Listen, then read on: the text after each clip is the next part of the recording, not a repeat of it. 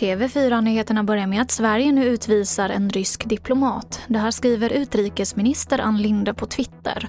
Även Tyskland och Polen utvisar ryska diplomater. Och bakgrunden är att Ryssland utvisade diplomater från de tre länderna efter att de närvarat vid en regimkritisk demonstration i Sankt Petersburg. Malcolm Dixelius är Rysslandkännare. Ja, det var väldigt väntat och det som kanske var, var eh, särskilt väntat var att man skulle göra det här tillsammans då, Sverige, Polen och Tyskland. Eh, man försöker ju upprätthålla en enig front så att säga från EUs sida. Det väntas bli snö och halka i södra Sverige och nu varnar Trafikverket för svår halka på flera vägar i södra och östra Skåne. Och SMHI klass 1 varnar också för snöfall i Östergötland under kvällen och i natt.